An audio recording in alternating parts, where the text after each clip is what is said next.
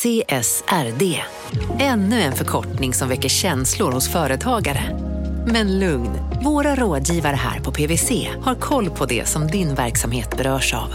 Från hållbarhetslösningar och nya regelverk till affärsutveckling och ansvarsfulla AI-strategier. Välkommen till PWC. Hej! Är du en av dem som tycker om att dela saker med andra? Då kommer dina öron att gilla det här. Hos Telenor kan man dela mobilabonnemang. Ju fler ni är, desto billigare blir det. Skaffa Telenor familj med upp till sju extra användare. Välkommen till någon av Telenors butiker eller telenor.se. Ni har väl inte missat att alla takeaway förpackningar ni slänger på rätt ställe ger fina deals i McDonalds app. Även om skräpet kommer från andra snabbmatsrestauranger. Exempelvis... Åh, oh, sorry. Kom, kom åt något här. Exempelvis... Förlåt, det är något skit här. Andra snabbmatsrestauranger som... Vi, vi provar en talning till. La, la, la, la, la. La, la, la, la. Från Monopol Media, det här är Kapitalet. Jag heter Gunnar Harjus. Jag heter Åsa Secker.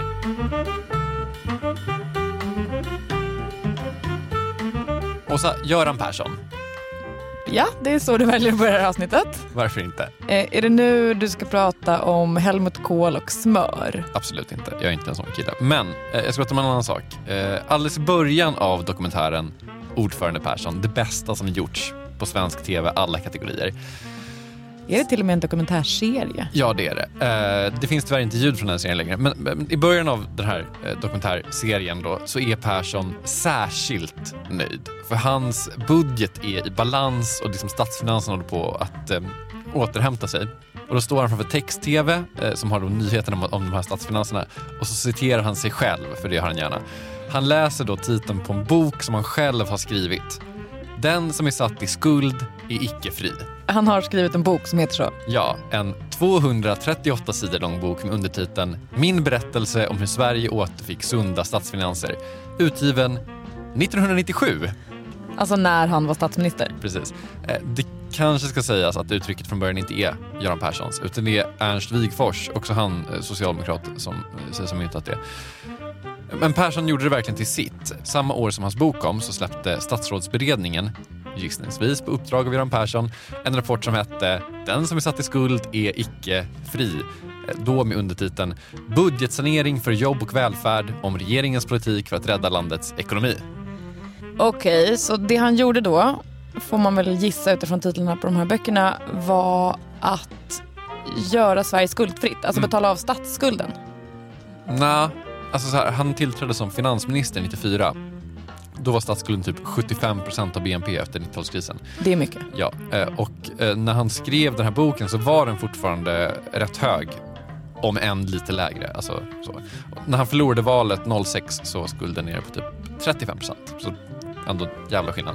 Okej, så han betalade av en del av skulden, Mm. men han betalade inte av statsskulden. Nej. Alltså han gjorde inte Sverige skuldfritt. Nej, Trots då att den som är satt i skuld är icke fri. exakt. Varför betalar han inte av hela? Ja, varför ska man då behålla Sverige i skuld om det nu är så att Sverige inte är fritt om det är skuld? Det låter inte, det låter inte klokt. Verkligen. Här gick jag omkring och trodde att jag levde i ett fritt land. Ja, så det Ja. att vi har skuld. Ja, det är obehagligt. Hur mycket Ja. skuld har vi? Eh, Vi har, eh, lite beroende på hur man räknar, 1100 miljarder kronor i skuld. Vi är alltså väldigt ofria. Ja, men grejen är att vi kanske inte är så jävla ofria bara för att vi har den här skulden. Eh, faktum är att det finns de som menar att det inte alls är en så bra idé att betala tillbaka den här skulden. Faktiskt att det skulle vara helt jävla förödande för Sverige att bli skuldfria. Eh, det finns de som vill höja skulden, eh, det finns de som vill sänka den och så finns det de som menar att den kanske ligger rätt fint här där den ligger. Alltså på 1000 miljarder i skuld. Varför det kanske inte är en så bra idé att bli fri efter det här. Vi sponsras av Storbrand Asset Management som ju förvaltar över 1000 miljarder norska kronor, bland annat för SPPs eh, många pensionssparare. För två år sedan så investerade Storbrand i drygt 60 tåg, alltså tågvagnar, eh, som rullar mellan London och Skottland. De leasar sedan de här tågvagnarna till tågoperatören som alltså kör tågen och säljer biljetter och sånt eh, med ett avtal på 27 år. Så britterna får nya fina tåg och Storbrands kunder, eh, däribland alltså SPPs pensionssparare, får en inflationsskyddad avkastning med låga risker under lång tid. Det här är ett av supermånga exempel på hur pensionskapitalet i växande omfattning bidrar till att bygga samhället och inte minst till att klara klimatmålen. Det behövs elproduktion, elnät, batteriparker, nya transportlösningar och allt möjligt. Bara i Europa antas investeringsbehovet för att klara klimatmålen uppgå till tusentals miljarder dollar. Och det här är ju pengar som ganska ofta saknas i statsbudgetarna. Däremot är det här pengar som pensionsbolagen kan vara med eh, och stoppa in, vilket ger pensionsspararna en fin avkastning under lång tid samtidigt som man är med och ställer om samhället. Vi har gjort ett helt avsnitt om det här eh, som man kan lyssna på. Det publiceras här i Kapitalet i mitten av maj. Ratta gärna in det om ni vill lära er mer om hur det här funkar.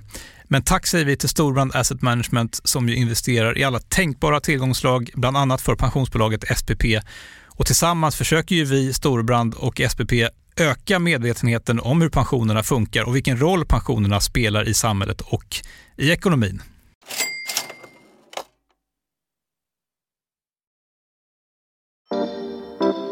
Om det inte framgick eh, så kommer dagens avsnitt att handla om statsskuld. Det har framgått. Vad är ens en statsskuld? Ja, en utmärkt fråga eh, som jag tänkte att det skulle vara bäst att ta med till Mårten Bjällerup. Eh, påminn mig nu igen, jag har glömt. Vem är Mårten Bjällerup? Jag är prognoschef på Riksgälden. Eh, Riksgälden är statens bank. Det är en bra bank. Eh, när staten behöver låna pengar så går de till Riksgälden och så löser de det. Lyxigt att ha en helt egen. Ja. Mårten är prognoschef där. Vad är det han prognostiserar? Hur eh, det ska gå för Sveriges ekonomi. Hur mycket pengar vi kommer att behöva låna i framtiden. Låter inte jättelätt. Ja, det är många skämt om att prognosmakare och meteorologer har ungefär samma träffsäkerhet. Så att jo, emellanåt är det svårt. Men det är bättre det än att inte göra någonting alls. Så att eh, det lät kanske väl negativt va?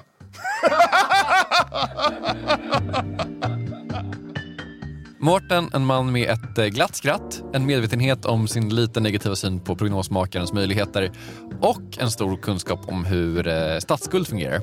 En kanonperson. Eh, Så åter till frågan. Vad är en statsskuld? En statsskuld är väldigt kort och enkelt gamla års underskott i budgeten i den mån det har varit några. Så när staten har större utgifter än intäkter så blir det ett underskott och då måste man låna pengar. Ja, logiskt. När staten går back så måste man låna pengar för att täcka upp för det. Mm. Och det gör man då genom att sälja statsobligationer, vilket lite förenklat är ett papper där det står nu är svenska staten skyldig mig en miljon kronor och ska betala tillbaka det till mig om fem år. Och ska göra det med ränta. Ja, Eh, så man köper ett sånt papper för en miljon då. Det kostar, ett- alltså papp, pappret kostar en miljon, vilket då i praktiken är att låna ut pengar till staten. Och sen när fem år har gått eh, så får man tillbaka sin mille och Så, lite ränta. så dyrt papper. Är det bra kvalle på det pappret eller? Vet ej. Och det är såna här papper som Riksgälden säljer då när staten behöver pengar. Ja, eh, man ska göra någon stor satsning. Typ, så här. Man kanske bygger Norra länken. Det känns som en väg som de håller på att bygga väldigt länge. Ja, hur går det för Norra Jag länken? vet inte. Den kostar förmodligen mer pengar än vad man hade tänkt sig och mer pengar än man hade från början. Och då vill man inte så här höja skatten för att betala för Norra länken. Eh, Så då ringer man till Mårten och ber honom lösa det här. Mårten, lös Norra länken. Mvh-regeringen. Eh, Så det är en grej man lånar till. Något så här stort infrastrukturprojekt eller vad som helst. Alltså man har budgeterat med att liksom, det kommer vara minus längst ner på siffrorna. Man, man vet det från början så man vet att man kommer behöva låna pengar. In the red. Exakt. Och, och sen så lånar staten också till massa andra grejer. Om man tänker på sig själv, alltså hur du och jag lånar pengar, så är det kanske till ett hus eller en bil eller något sånt där. Alltså något stort. Alltså Norra länken. Det är en stor grej, verkligen. Men sen finns det en massa andra saker då, som vi inte lånar till. Alltså så här vardagskonsumtion. Det är så här, rule 101, låna inte till vardagskonsumtion. Men, men staten, eftersom de inte är du och jag, utan de är staten, de får låna till vardagskonsumtion. Staten lånar pengar typ hela tiden. Ta en vanlig månad som exempel. Ja, de företag till exempel betalar in skatt för vissa datum. Eh, man får ett barnbidraget, de som har barn, vissa datum. Så det finns olika tidpunkter under en helt vanlig månad när det antingen flödar ut mycket pengar från staten, säg barnbidrag, eller kommer in mycket pengar, säg inkomstskatter. Det kan göra att det blir slag på hundratals miljarder till och med enskilda dagar. Vilket jag måste erkänna att jag aldrig har tänkt på. Att staten så här, har ett bankkonto och innan man typ så här, fått in företagsskatten för kvartal två från Monopol Media så finns det bokstavligen inga pengar på kontot för att betala ut barnbidrag till Jakobs barn. Alltså det här är så sjukt. Jag har verkligen aldrig reflekterat över det här. Nej. Eh, men okej, jag fattar ändå att det uppstår de här glappen och då måste man täcka det. Men det är ju sjukt att tänka sig att här, staten funkar som ett stort företag med typ temporära likviditetsproblem. Verkligen. Så, eh, det är vad en statsskuld är Alltså en bokstavlig skuld som staten har. och vad den används till. Alltså Norra länken och barnbidrag till Jakobs barn. Precis. Okej, men en grej som vi inte har pratat om än, som jag alltid har tyckt känns lite så abstrakt, det är vem lånar vi av? Ja. För det känns som att så här, alla länder har ju typ en statsskuld. Alla utom Liechtenstein vad jag hittat. Okej, så att alla har lånat av Liechtenstein. Har Liechtenstein indrivningar på 40 000 triljoner dollar som bara ligger och väntar på att ramla in, eller? Nej, nästan ingen har lånat av Liechtenstein. Eller inte så mycket. Okej, men, men om alla länder är i skuld, förutom Liechtenstein då, och Liechtenstein inte är de som har lånat ut allt, frågan kvarstår då, vem är det vi lånar av? De som kan låna, av, eh, eller låna ut till staten är eh, olika typer av finansiella institutioner kan man säga, banker, försäkringsbolag och så vidare. Det funkar så att när vi lånar upp pengar så finns det ett antal banker som man kan säga vi jobbar extra nära som deltar i eh, de här auktionerna som det kallas när vi, när vi säljer statsobligationer. Sen så kan de i sin tur sälja vidare de här statsobligationerna. Så här funkar det rent konkret. Eh, alla de stora svenska bankerna och ett par utländska är med på så här aktioner. Och då har Riksgälden tagit fram ett sånt här papper där det står svenska staten är skyldig mig en miljon i fem år, bestämmer de. Fast det är såklart mer än en mille för att eh, ja, det är så lite. De bestämmer hur mycket de behöver och hur länge lånet ska vara på. Så kanske 20 miljarder i fem år. Och sen budar de här bankerna neråt då antar jag. Precis, så de som bjuder lägst ränta, alltså vill ha minst pengar för att, för att ta på sig det här lånet, eh, de får eh, pappret där det står det här. Liksom. Och så, så gör man massa samtidigt och liksom en jättestor mängd pengar. Och- sen fördelas liksom resten efter ett system som i princip verkar vara liksom efter samma metod, alltså den som har lägst ränta. Så för, ja, det verkar lite krångligt, skitsamma. Lägst ränta får först kan man säga. Då säger vi att Handelsbanken vinner auktionen, Mm. hostar fem yard till staten som då kan bygga Norra länken. Ja, Ja. Men då tänker jag så här, när man har byggt Norra länken, och det har gått några år. fast vi vet att den aldrig kommer bli klar. Men Ja. säg att man har gjort det, man har betalat ut barnbidraget, borde vi då inte kunna betala tillbaka de här pengarna så här efter ett tag? Så att statsskulden ändå skulle kunna bli noll. och vi äntligen kan bli fria? Det korta svaret medan Riksgälden är nej. Eller jo, det skulle vi kanske kunna, men, men det vill vi inte. Och varför inte det? Alltså vad är det som är så jävla fett med att ha 1100 miljarder i skuld? Jag fattar inte. Det här måste väl kosta massor av pengar i ränta? Bara för att ta ett exempel på något som skulle kunna vara dåligt med det här. Mm, det är såklart sant och det är många som tycker det. Innan vi kommer fram till varför det är så jävla fett med 1100 miljarder i skuld eh, så ska vi nog prata pyttelite till om hur bra det är att kunna ha skuld. Eh, För skulden används inte bara till Norra länken och Jakobs barnbidrag. Eh, Den funkar som två andra saker också. Den fungerar som en stötdämpare och den funkar också som en krockkudde. Ekonomiska liknelser. Ja, Bäst. jag håller helt med. Sveriges ekonomi är en bil. Vroom, vroom. Ja, stötdämparen, tänk dig när du är ute och kör. Den är of, jobbar ofta så fort du kör över ett litet hål. Så stötdämparen är tänkt att illustrera att ibland så går ekonomin bättre och ibland sämre. Ja, Och när ekonomin går bra så jobbar inte stötdämparen Statsskulden. så mycket. Men när man kör ner ett litet hål Lågkonjunktur. så jobbar den mer. Eh, man behöver låna mer pengar för att få igång ekonomin. Eh, tänk, dig så här, tänk så här, tänk dig världens enklaste samhälle. Du har två funktioner i det här samhället. Inkomstskatt och arbetslöshetsersättning. Yes. När ekonomin går ner då blir det färre som jobbar och du får in mindre inkomstskatt och du måste betala ut mer i arbetslöshetsersättning. I ett sånt läge, om man inte fick låna pengar och gå med ett underskott, då skulle man vara tvungen att justera reglerna.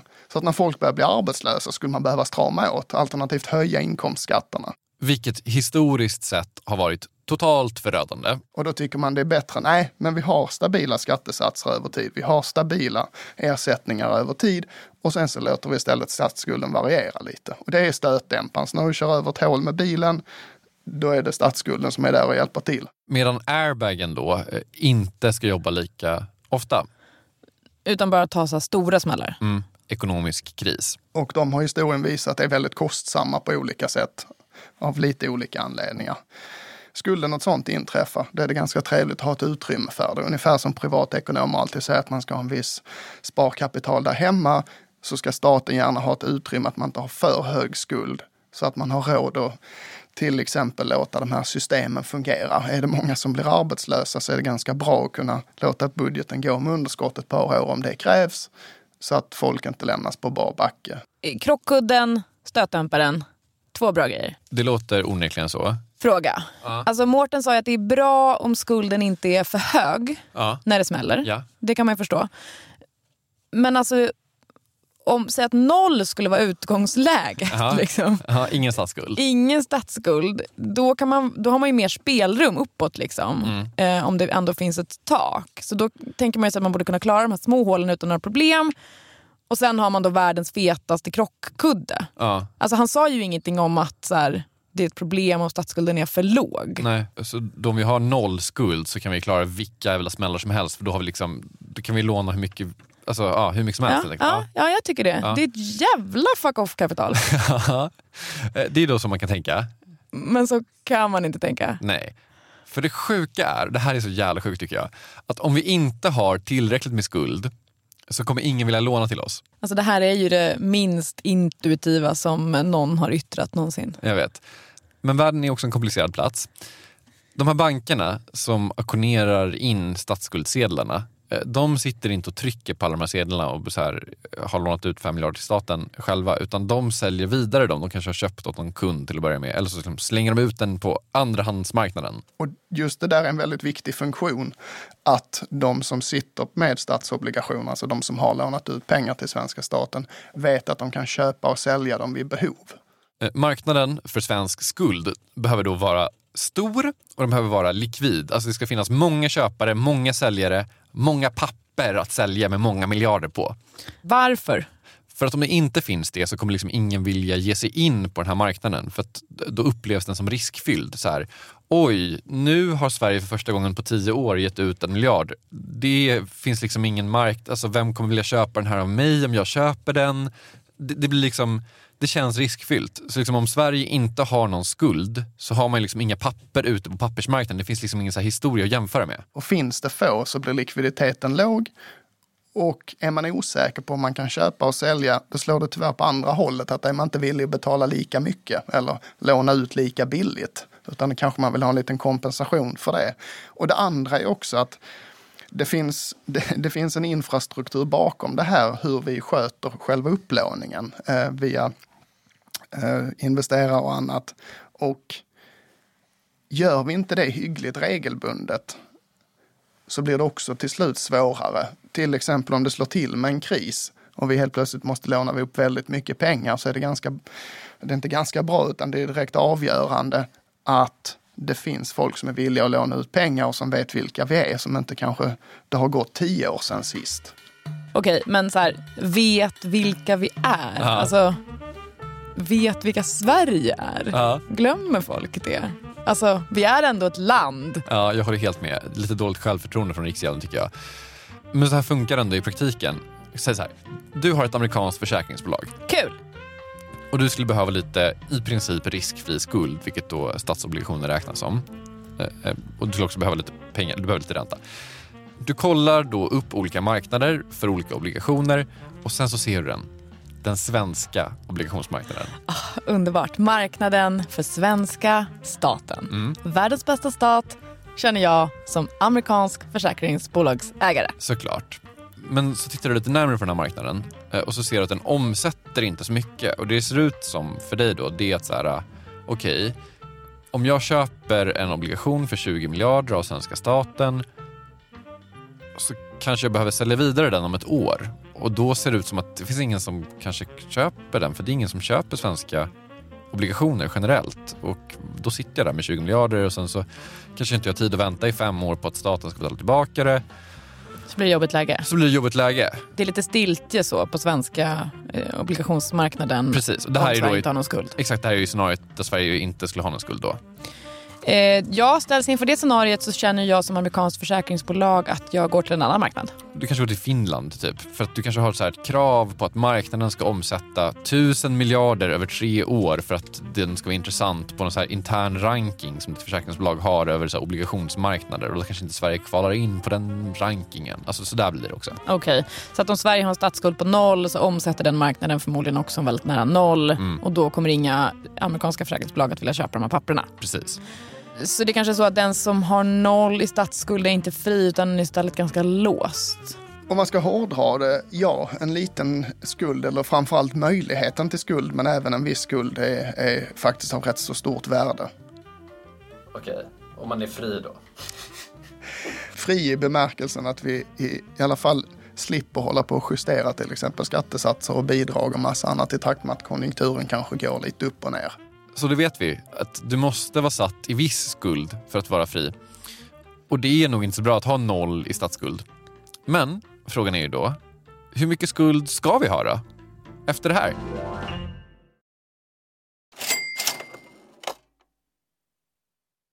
Kapitalet sponsras av Master Exchange, plattformen där du som privatperson kan investera i låtar och får pengar varje gång de här låtarna spelas. Eh, vi berättade ju senast eh, om barnlåten Puff the Magic Dragon som noterades av Master Exchange under våren. Nu har utdelningen på den låten kommit, eller royaltyn som vi säger i musikbranschen. Eh, den ligger på drygt 12% i årstakt och det här är ju en avkastning som är helt okorrelerad till börsen.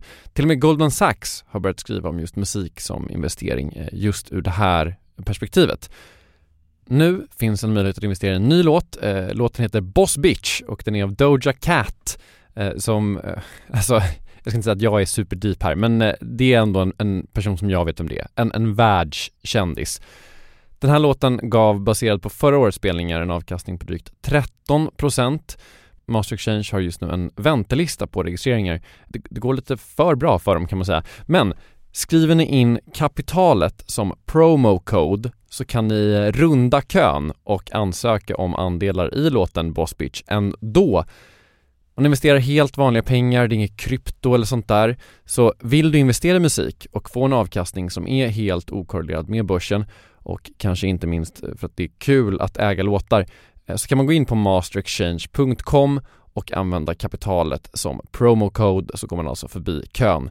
Kom ihåg dock att alla investeringar är förenade med risk men vi säger stort, stort tack till Master Exchange. Kapitalet sponsras av Karla, Jakob. Ja, bilar igen. Ja, det är härligt. På Karla kan man sälja sin elbil eh, på det gissningsvis smidigaste sättet i Sverige. Eh, Karla har ju ett fakt- nästan ett komiskt högt användarbetyg på Trustpilot. Mm. 4,8 av 5, vilket jag typ aldrig hört talas om. Nej, det är väldigt, väldigt högt. Eh, Man knappar in lite info om bilen på sidan, sen får man en gratis värdering och ett bud. Accepterar du budet kommer Karla och hämtar upp bilen gratis och sätter in pengarna innan de kör iväg. Inget mer än så. Rätt fantastiskt. Nej, det är faktiskt Ja. helt otroligt. Och eh, det kan bli ännu mer eh, otroligt än så. eh, För att vi har nämligen en rabattkod som ger dig 2000 kronor extra för bilen. Så om du säljer din bil så får du två lax extra. Stämmer. Bara sådär. Eh, koden är Monopol och eh, den uppger du när du har värderat bilen och eh, pratat med Karlas inköpare. Koden är giltig till sista maj så att eh, passa på om du går i säljartankar. Jag undrar om vi haft en kod som har gett två lax bara sådär någon gång. Det är Nej, helt otroligt. man behöver en bil förvisso. Absolut, så det är inte, kanske inte bara sådär, men det är ändå 2000 kronor extra. Väldigt bra. Ja.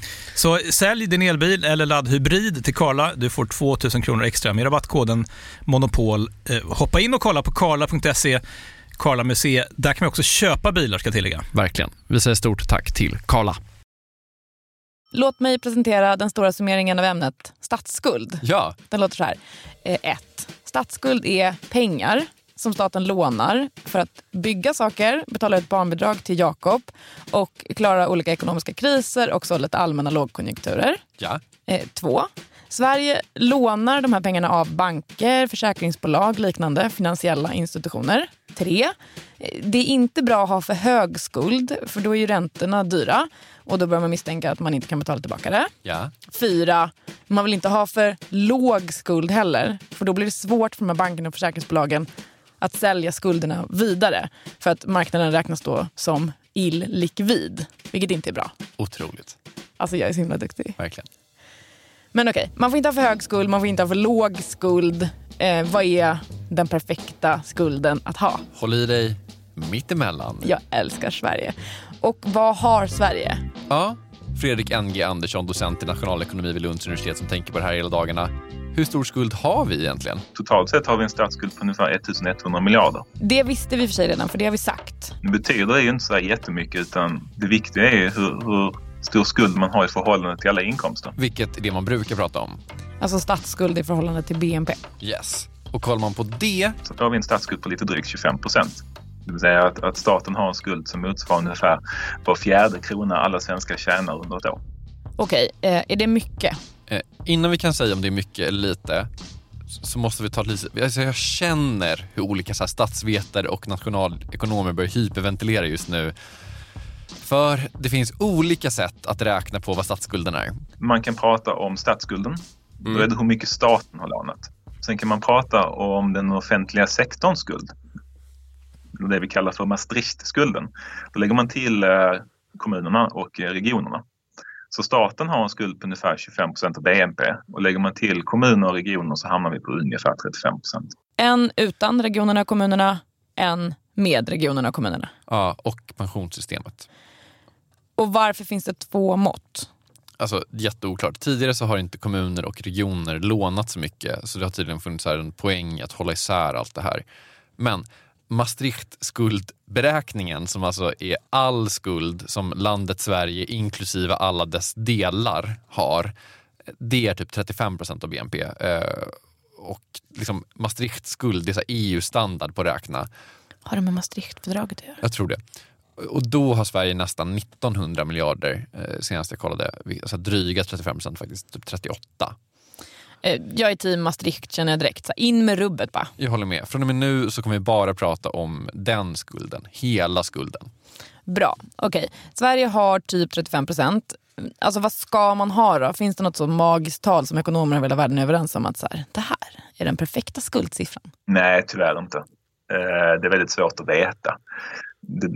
Den forskning som finns tyder på att det beror väldigt mycket på vilket land det är, hur dess ekonomi ser ut, eh, hur den ekonomiska krisen ser ut. Så nej, det, det finns inget, ingen, ingen bra nivå. Säkert.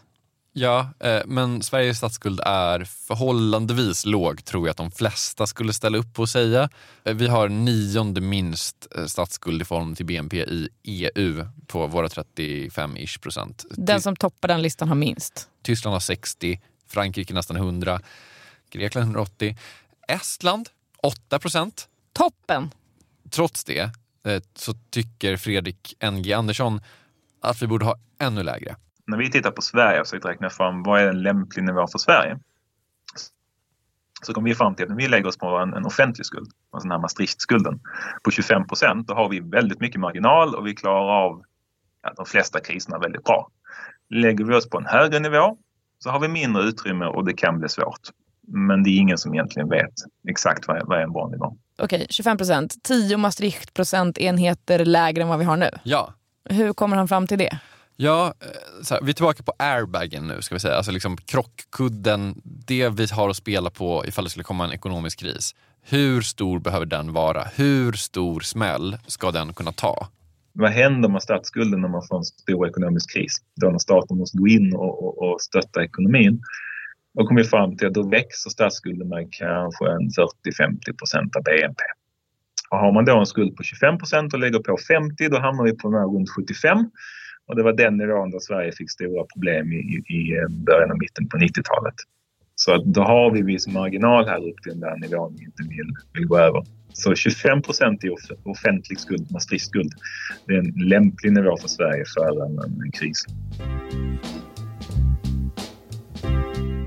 Eh, det ska sägas, och det här säger också Fredrik N. Andersson själv, det här är inte en absolut vetenskap. Alltså det finns ekonomer som tycker annorlunda än han. Eh, jag fick intrycket att Riksgälden till exempel verkade ganska nöjda med vår nuvarande skuld eh, och liksom att den krockkudden vi har nu skulle räcka.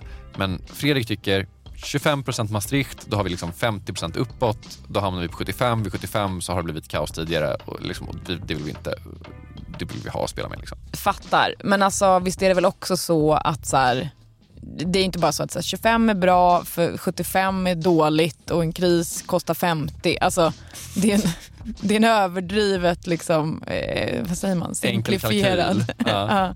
eh, överdrivet liksom, förenklad överslagsräkning. Alltså finns det inte folk som skriver böcker med olika variabler och tusen antaganden, svåra symboler och så vidare och så vidare som kostar jättemycket pengar. Jo, det är klart det finns det. Men Fredrik säger en så himla ljuvlig sak när jag frågar om det egentligen inte är jättemycket mer komplicerat att komma fram till den här siffran. Är det egentligen jättemycket mer komplicerat att komma fram till den siffran? Nej, det är det inte. Eh, och det fina med det är att det är en väldigt enkel beräkning och därmed en, en, en beräkning som man kan förstå. Det finns jättemycket avancerade metoder att göra det på men avancerade metoder är en, en svart låda där man inte vet vad som händer. Och de beräkningarna brukar vara oerhört känsliga för vilka antaganden man gör. Vi har gjort en, en enkel överslagsberäkning baserat på hur mycket brukar statsskulden öka i dåliga tider när vi har kriser. Eh, när fick Sverige problem med sin statsskuld historiskt? Vad händer med räntorna om vi har en väldigt hög statsskuld? Och då kom vi fram till att runt 75 procent är liksom ett, ett tak. Vi behöver inte gå över det med så mycket. Och en, en stor kris är, i, i, i, historien har ökat statsskulden 50 procent av BNP. Och därför behöver vi ha en statsskuld före krisen någonstans mellan 20 och 30. Och så tog vi mittpunkten eh, utav det men Det är ett enkelt sätt att räkna men också ett enkelt sätt att förstå. Och att, att ha något som är enkelt att förstå är, är väldigt viktigt i politiken. Enkelt att förstå, viktigt i politiken. Och i livet generellt va? Jag tycker också det. Då är vi överens om, om det, eh, tycker jag. Med det är kapitalet slut för idag. Någonting som också är väldigt enkelt att förstå, det är hur man vinner en kapitalet-tröja.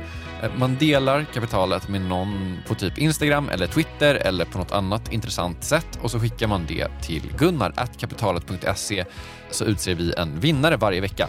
Veckans vinnare heter vad då, Åsa? Göran Eriksson. Vad har han gjort? Eh, Han har gjort något så fint som att rota fram en gammal Nokia-mobil för att tipsa om vårt avsnitt som handlade om just Nokia. Och så fotade han det eh, tipset och skickade till gunnar.kapitalet.se. Precis. Eh, tack för det Göran, vi kommer att kontakta dig. Jag heter Gunnar Harjus, du heter Åsa Secker, Fredrik NG Andersson är docent i Lund, Mårten Bjellerup är prognoschef på Riksgälden, statens egen bank. Kristoffer Krook har mixat, vår chef heter Jakob Bursell. Vi är tillbaka igen om en vecka. Hej då! Hej då!